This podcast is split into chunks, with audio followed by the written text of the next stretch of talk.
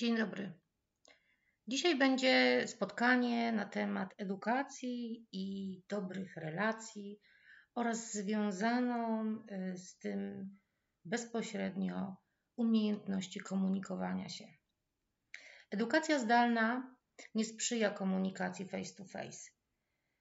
Y, to są tylko kontakty interface to interface.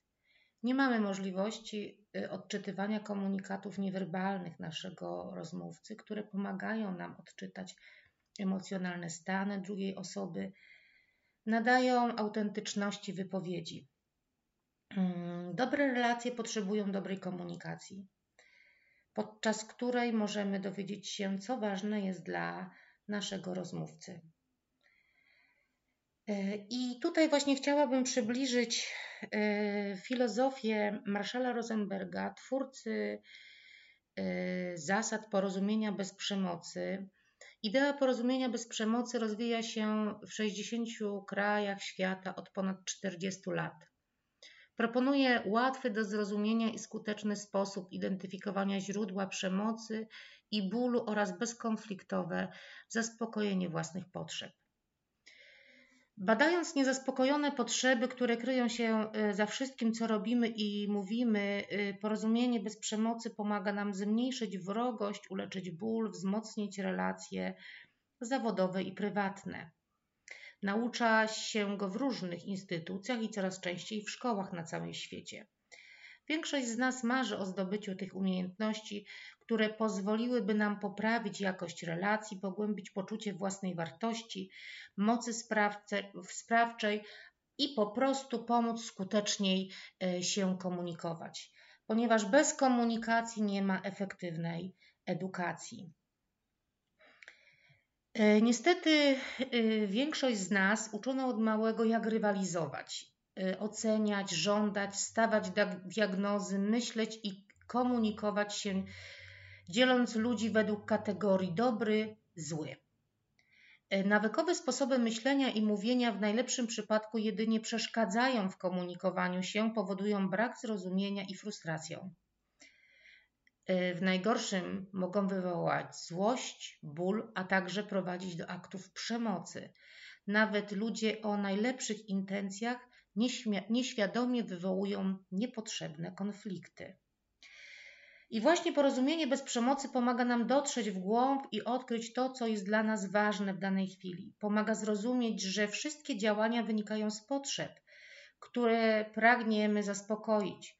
Uczymy się słów określających uczucia i potrzeby, pomagających precyzyjnie wyrazić to, co się w nas dzieje w danym momencie.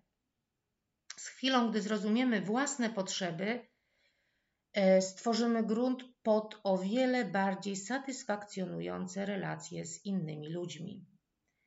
Kiedy za pomocą słów jasno i uczciwie sformułujemy spostrzeżenie, zarazem powstrzymując się od jakiegokolwiek osądu czy oceny, stwierdzając fakt, po prostu rzeczowo informujemy, co dana osoba zrobiła, czy jej działanie nam się podoba, czy nie. Następnie mówimy, co czujemy wobec tego postępowania, które spostrzegliśmy. Czy jest to uczucie gniewu, zawodu, bólu, lęku, radości, rozbawienia czy irytacji. Po trzecie, określamy własne potrzeby związane z uczuciami, które przed chwilą zdefiniowaliśmy.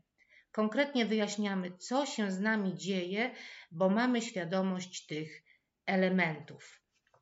Główne założenia e, porozumienia bez przemocy to przede wszystkim wszyscy ludzie mają takie same potrzeby. Wszyscy dążymy do ich zaspokojenia. To determinuje nasze zachowanie. Ludzie działają nie przeciwko innym, lecz po to, by zaspokoić własne potrzeby. E, własne potrzeby są tak samo ważne jak potrzeby innych. E, oraz że uczucia informują nas o naszych zaspokojonych lub niezaspokojonych potrzebach. E, I ostatnim takim e, największą i najbardziej mm, ważną zasadą jest to, że ludzie chętniej przyczyniają się do dobra innych, o ile jest ich to własny wybór.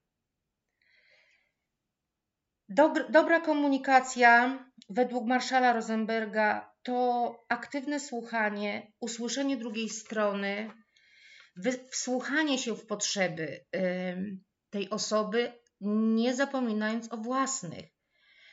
E, komunikowanie się za pomocą faktów, a nie opinii, jasne mówienie o swoich uczuciach i wyrażanie swoich próśb, a nie żądań.